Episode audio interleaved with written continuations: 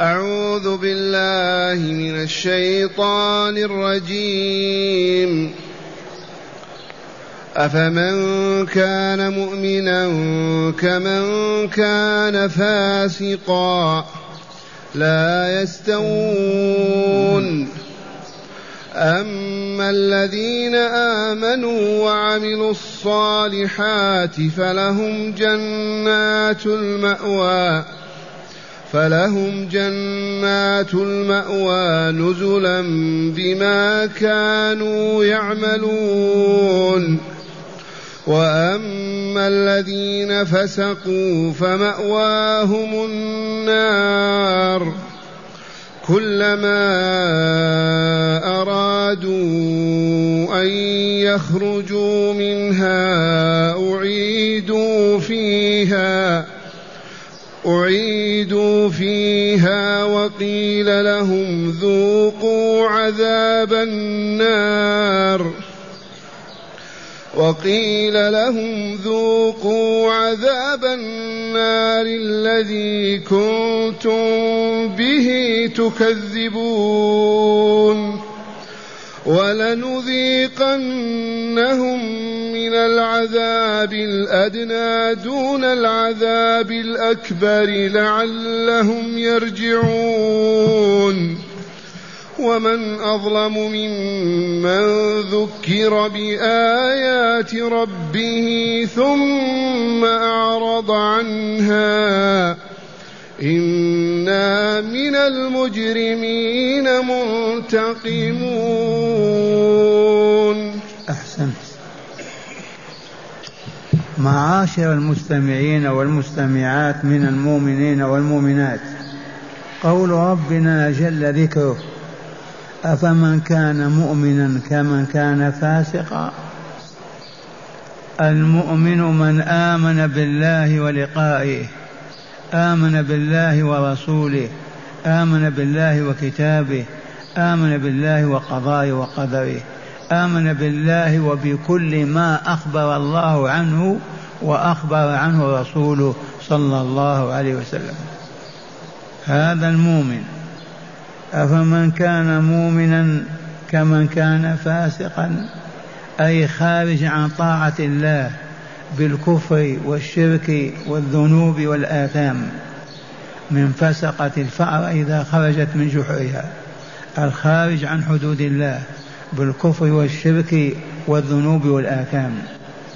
والجواب لا يستوون. فقوله تعالى لا يستوون جواب لهذا السؤال. أفمن كان مؤمنا كما كان فاسقا الجواب لا يستوون. والله لا يستوون. هذا حي وهذا ميت. هذا طه وهذا خبيث. هذا كافر وهذا مؤمن. هذا سعيد وهذا شقي. كيف يستويان؟ لا استواء بينهما ابدا. ومعنى هذا الترغيب في الإيمان والتحذير من الفسق والفجور والكفر والشرك والمعاصي. ثم قال تعالى أما الذين آمنوا وعملوا الصالحات آمنوا بالله وبلقائه آمنوا بالله وكتبه آمنوا بالله ورسله آمنوا بقضاء الله وقدره آمنوا بأن لا إله إلا الله وأن محمد رسول الله. هؤلاء المؤمنون أضافوا إلى إيمانهم الأعمال الصالحة. ما الأعمال الصالحة؟ هي كل ما أمر الله بفعله أو قوله أو اعتقاده من أعمال القلوب والألسن والجوارح. ما الأعمال الصالحة؟ كل ما شرعها الله لعباده ليعبدوه به فتعبدهم به فهو عمل صالح. من ذلك إقام الصلاة إيتاء الزكاة صوم رمضان حج البيت لمن استطاع سبيلا بر الوالدين الإحسان الأمر بالمعروف النهي عن المنكر وهكذا. كل ما تعبدنا الله به فهو عمل صالح ليس بفاسد. عمل صالح يزكي النفس ويطهرها ويجعل أهلا لرضا الله عز وجل. سميت العبادة بالعمل الصالح لأنها صالحة في تزكية النفس وتطهيرها. وقد علمنا حكم الله في ذلك. قد أفلح من زكاها وقد خاب من دساها. من زكى نفسه بالعبادات فطابت وطهرت. كان من أهل السعادة والفوز والنجاة من النار ودخول الجنة. ومن دساها ولوثها بالآثام والذنوب كالكفر والشرك والمعاصي فقد خاب وخسر دنياه وأخراه. أما الذين آمنوا وعملوا الصالحات فلهم جنات المأوى نزلا. هذا جزاؤهم. جنات جنات ماذا المأوى الذين يأوون إليها ويسكنون فيها ويقيمون بها هي مأواهم مكان إيوائهم. هذه الجنة التي هي مواهم هي ضيافة لهم. والنزل ما يعد للضيف إذا نزل بالبيت. من طعام وشراب وفراش. فالجنة نزل. ضيافة لمن؟ للمؤمنين العاملين للصالحات. إذا نزلوا هناك إذا آووا إلى الجنة الجنة نزلهم. إذ فيها طعامهم وشرابهم وفراشهم. اللهم اجعلنا منهم. أما الذين آمنوا وعملوا الصالحات فلهم جنات المأوى والجنات جمع جنة جمع جنة والجنة البستان العظيم الذي فيه الأشجار والأنهار والقصور. نزلا لهم ولكن بما بما كانوا يعملون أي بسبب عملهم الصالحات. إيمان وعمل صالح. صاحب هذا الإيمان والعمل الصالح مأواه الجنة نزل ضيافة. ضيفه ربه فيها بالطعام والشراب والفراش. بسبب ما كان يعمله من الصالحات. وفي هذا إشارة إلى أن الإيمان وحده لا يغني لا يكفي. لا يعتق من النار لا يحقق السعادة لا بد من العمل الصالح. اللهم إلا من كان آخر كلامه لا إله إلا الله فإنه يثاب عليها ويدخل الجنة ولو بعد حين وهو في العذاب الأليم. بما كانوا يعملون فالعمل الصالح نتاجه ثماره حقائقه ما هي؟ أنه يزكي النفس البشرية. نفس الإنسان. يطهرها وينظفها ويزكيها فتصبح أهلا لجوار الله في الملكوت الأعلى. الكفر والشرك والمعاصي هذه تدسي النفس تخبثها وتلوثها وتعفنها فتصبح غير أهل للملكوت الأعلى للجنة دار السلام ولكن أهل للنار دار البوار في أسفل سافلين. هذا صنف من الناس أهل الإيمان والعمل الصالح صنف آخر. وأما الذين فسقوا بالكفر والشرك والذنوب والآثام بمعصية الله ورسوله. هؤلاء الذين فسقوا فمأواهم الذي يأوون إليه ومنزلهم الذي ينزلون فيه النار. والنار معروفة عندنا نطبخ عليها طعامنا. النار معروفة لكن المراد من هذه النار عالم عالمنا هذا لا يساوي قطرة في بحر. وتلك النار أسفل الكون. وماذا نعرف عن النار؟ كيف تتسع لهذه البشرية؟ مع العلم أن ما بين كتفي الكافر في النار كما بين مكة وقديد وأن ضرسه كجبل أحد. اذا فقولوا سبحان الله ما هذه النار؟ أقول أغمض عينيك واجعل رأسك بين ركبتيك وفكر. قل ننزل. نزول نزول نزول نزول نزول. إلى أين؟ تعجز. ونقول إلى عالم الشقاء إلى النار دار البوار. الذي لا حد لها ولا حصر ولا عجب. إذ نقول هذا الكوكب النهاري الشمس أكبر من الأرض بمليون ونصف مليون مرة. بهذا قال علماء الإسلام وقال علماء الكفر. مليون نصف مليون مرة أكبر من الأرض. فكيف بالنار؟ عالم. قولوا آمنا بالله.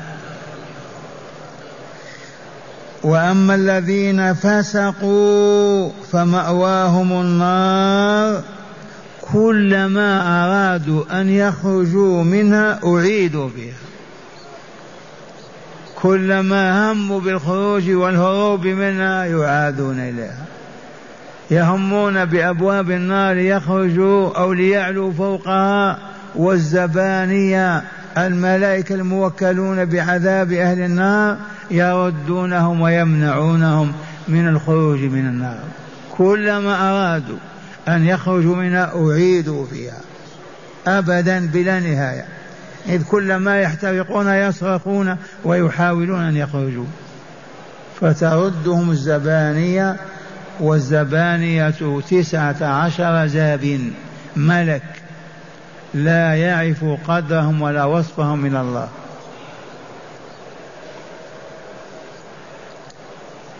ثم قال تعالى كلما أرادوا أن يخرجوا منها أعيدوا فيها وقيل لهم ذوقوا عذاب النار الذي كنتم به تكذبون فدل هذا على أن الفسق هنا كفر وأنهم كافرون إذ كذبوا بالدار الآخرة وما فيها من نعيم أو عذاب أليم كانوا ملاحدة دهريون علمانيون كافرون مشركون لا يؤمنون بالدار الآخرة وما فيها من نعيم مقيم أو عذاب أليم.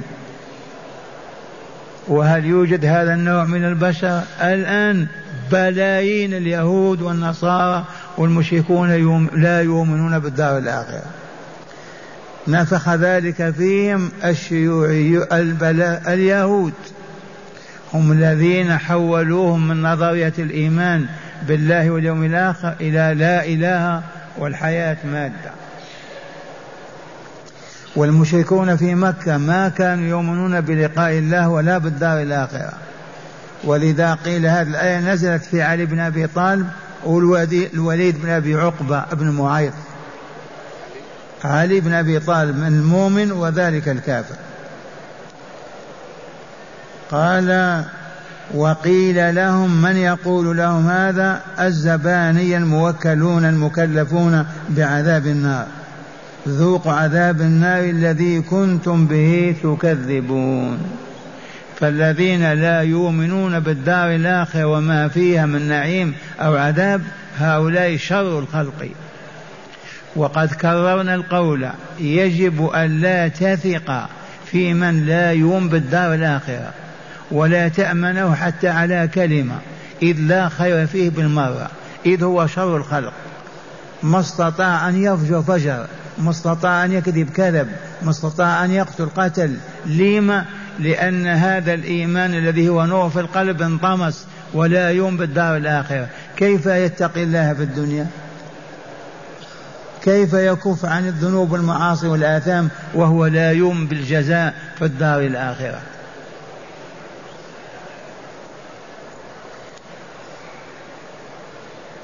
ثم قال تعالى ولنذيقنهم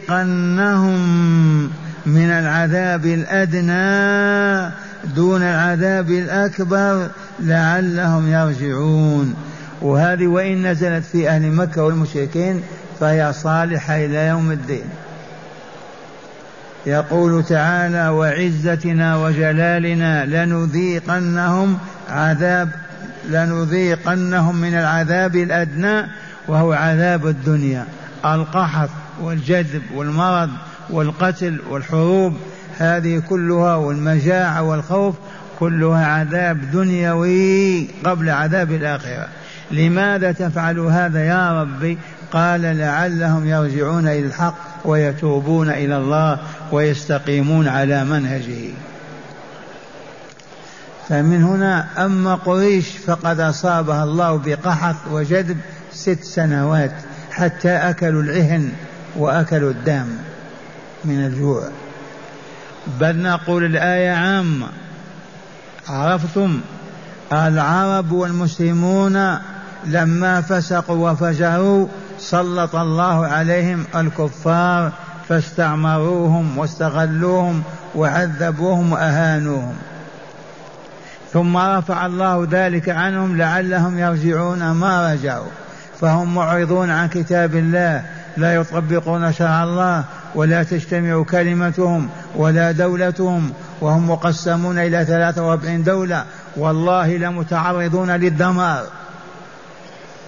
وما يصيبه يصيب الله به من فقر أو ذل أو هون أو عذاب إنما هو لعلهم يرجعون. لكن أبوا أن يرجعوا. ماذا نصنع؟ واسمع قوله تعالى ولنذيقنهم من العذاب الأدنى. أي الدنيوي الأقرب هذا عذاب الدنيا. المرض الجوع الخوف الحرب القتال كلها أمراض قريبة عذاب قريب. دون العذاب الأكبر وهو عذاب يوم القيامة. النار وما فيها من ألوان الشقاء والعذاب. لعلهم يرجعون. وهذا المؤمن التقي بمجرد ما يصاب بمرض يصاب بكذا يعرف أنه من ذنبه فيبكي ويتوب إلى الله عز وجل. المؤمنون الصالحون إذا أصيب بأي شيء في بدنه في ماله في كذا يقول هذا سبب ذنبي وإعراضي عن ربي فيتوب إلى الله ويستغفر ويرجع. ولكن الكافر الميت القلب الذي لا روح له ميت. ما يرجع وهذه علة علة وبيان لماذا يصيبهم بالبلاء في الدنيا. يتركوهم للآخرة يعذبهم فيها. قال لا يعذبهم في الدنيا لصالحهم لعلهم يتوبون إلى الله ويرجعون إليه. فيستقيمون على منهج الحق فيكملون ويسعدون. ثم قال تعالى ومن أظلم ممن ذكر بآيات ربه ثم أعرض عنها. لا إله إلا الله. لا أظلم من أحد يذكر بآيات لا يعرض عنها. تقول أما تتقي الله انزع الخاتم من يدك يسخر منك ويسخر. السجارة في يده في فمه اترك هذه محرمة يضحك منك ويسخر منك. ذكره بآيات الله يعاد. يقول تعالى ومن أظلم لا أحد أظلم من عبد يذكر بآية ربه فلا يذكر ولا يرجع. ثم يقول تعالى مهددا موعدا إنا من المجرمين منتقمون. إنا من المجرمين منتقمون. والله لينتقم الله من هذا العالم من أمريكا اليونان بنقم عجيبة وسيبتليهم ويصيبهم عذاب الدنيا وعذاب الآخرة. أعظم من ذلك كله. إنا من المجرمين المفسدين لمنتقمون. إليكم شرح الآيات من الكتاب مرة ثانية. قوله تعالى أفمن كان مؤمنا كمن كان فاسقا أي كافرا ينفي تعالى استواء الكافر مع المؤمن. فلذا بعد الاستفهام الإنكاري أجاب بقوله تعالى لا يستوون. ثم بين تعالى جزاء الفريقين وبذلك تتأكد وبذلك تأكد بعد ما بينهما ما بين الكافر والمؤمن. فقال أما الذين آمنوا أي بالله ربا وإلها وبمحمد نبيا ورسولا وبالإسلام دينا شرعيا ودينا دي وبالإسلام شرعا ودينا وعملوا الصالحات بأداء بأداء الفرائض والنوافل في في الغالب بعد اجتنابهم. الشرك والمحارم. فلهم جنات المأوى نزلا أي ضيافة لهم بما كانوا يعملون. وأما الذين فسقوا عن أمر الله فلم يوحدوا ولم يطيعوا فعاشوا على الشرك والمعاصي حتى ماتوا.